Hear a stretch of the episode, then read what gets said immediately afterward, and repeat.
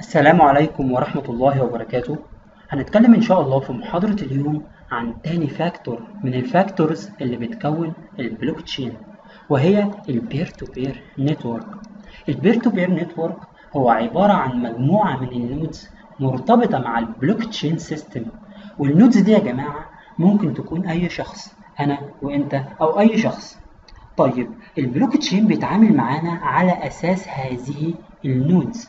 وبمجرد ما انت بتسجل على البلوك تشين وتسحب ال database الخاصة به بالتالي انت بتكون جزء من ال blockchain system. طيب فكرة ال nodes يا جماعة هي انك تقدر تحمل كل ال database الخاصة بالبلوك تشين وتقدر تطلع بالكامل على كل ال ledgers اللي حصلت من سنة 2009 حتى وقتنا هذا.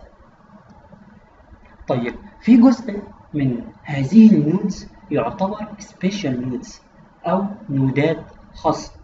special nodes دول يا جماعة بيكون اسمهم ال miners وال miners هم مجموعة من الناس وظيفتهم التأكد والتحقق من عمليات التحويل التي تحدث داخل ال blockchain system وأيضا وظيفتهم إن هم بيشتغلوا على توليد block جديد داخل البلوك تشين وهنتعرف إن شاء الله في المحاضرات القادمة على آلية عمل ال miners. تعالوا نرجع مرة تاني إلى ال peer to peer network ال peer to peer network علشان نفهمها هنعبر عنها من خلال مثال بسيط. لو اعتبرنا إن محمد عنده account أو عنده حساب موجود فيه 10 دولار يبقى محمد عنده حساب متوفر فيه 10 دولار. محمد عاوز يعمل عملية transaction أو تحويل. 10 دولار يوصلوا إلى إيه؟ إلى أحمد. وأيضا عاوز يعمل عملية transaction أو تحويل. 10 دولار يوصلوا إلى علي. زي ما اتفقنا إن ال transaction أو التحويل بتاعنا هيكون عبارة عن ledger ال ledger هيتم توزيعه على كل ال nodes اللي موجودين عندنا. وأيضا ال 10 دولار الأخرى اللي هيتم تحويلهم إلى علي هيتم عمل ledger وهيتم توزيعه على كل ال nodes اللي موجودين عندنا. طيب تعالوا نشوف يا جماعة احتمالية وصول العشرة دولار إلى أحمد من خلال nodes A ثم B ثم C ثم D ثم E. ده احتمال وصول العشرة دولار إلى أحمد من خلال A B C D E. طيب الإي قدامه احتمالين يا إما يوصل إلى أحمد يا إما يوصل إلى علي. طيب تعالوا نشوف احتمال العشرة دولار الأخرى. العشرة دولار الأخرى ممكن تكون F G M N F ثم E مرة أخرى. يبقى إحنا كده يا جماعة عندنا two transactions أول transaction هيتبع المسار A B C D E.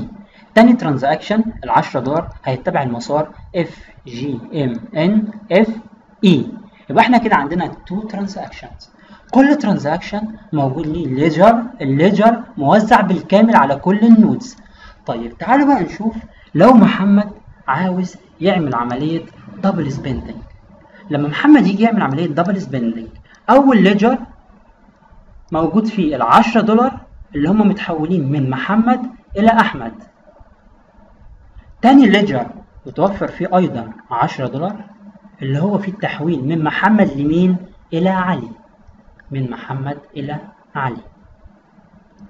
لما يجي محمد يعمل double spending أو يرسل ال 10 دولار في نفس اللحظة وهو حسابه في الأصل أو ال account بتاعه في الأصل موجود فيه 10 دولار فقط.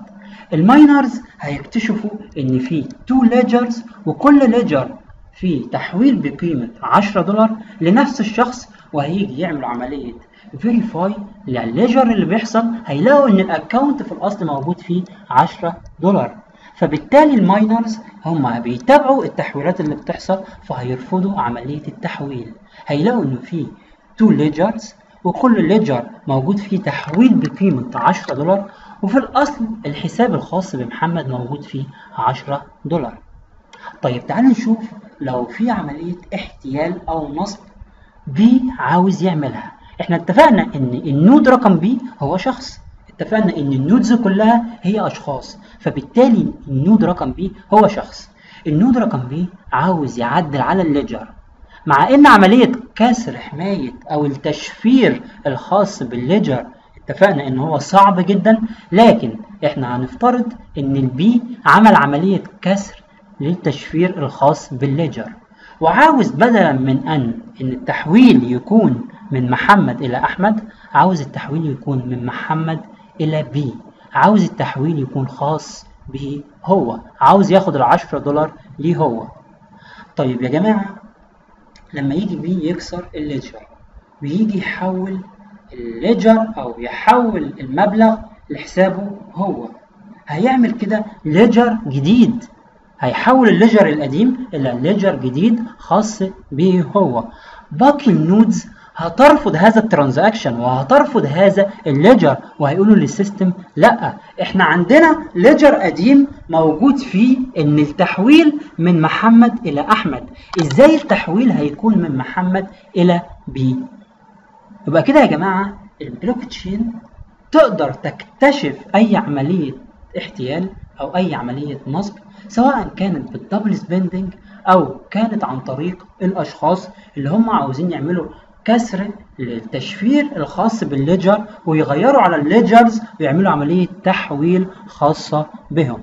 ودي كانت فكرة ال peer to peer network وإلى هنا شكرا والسلام عليكم ورحمة الله وبركاته.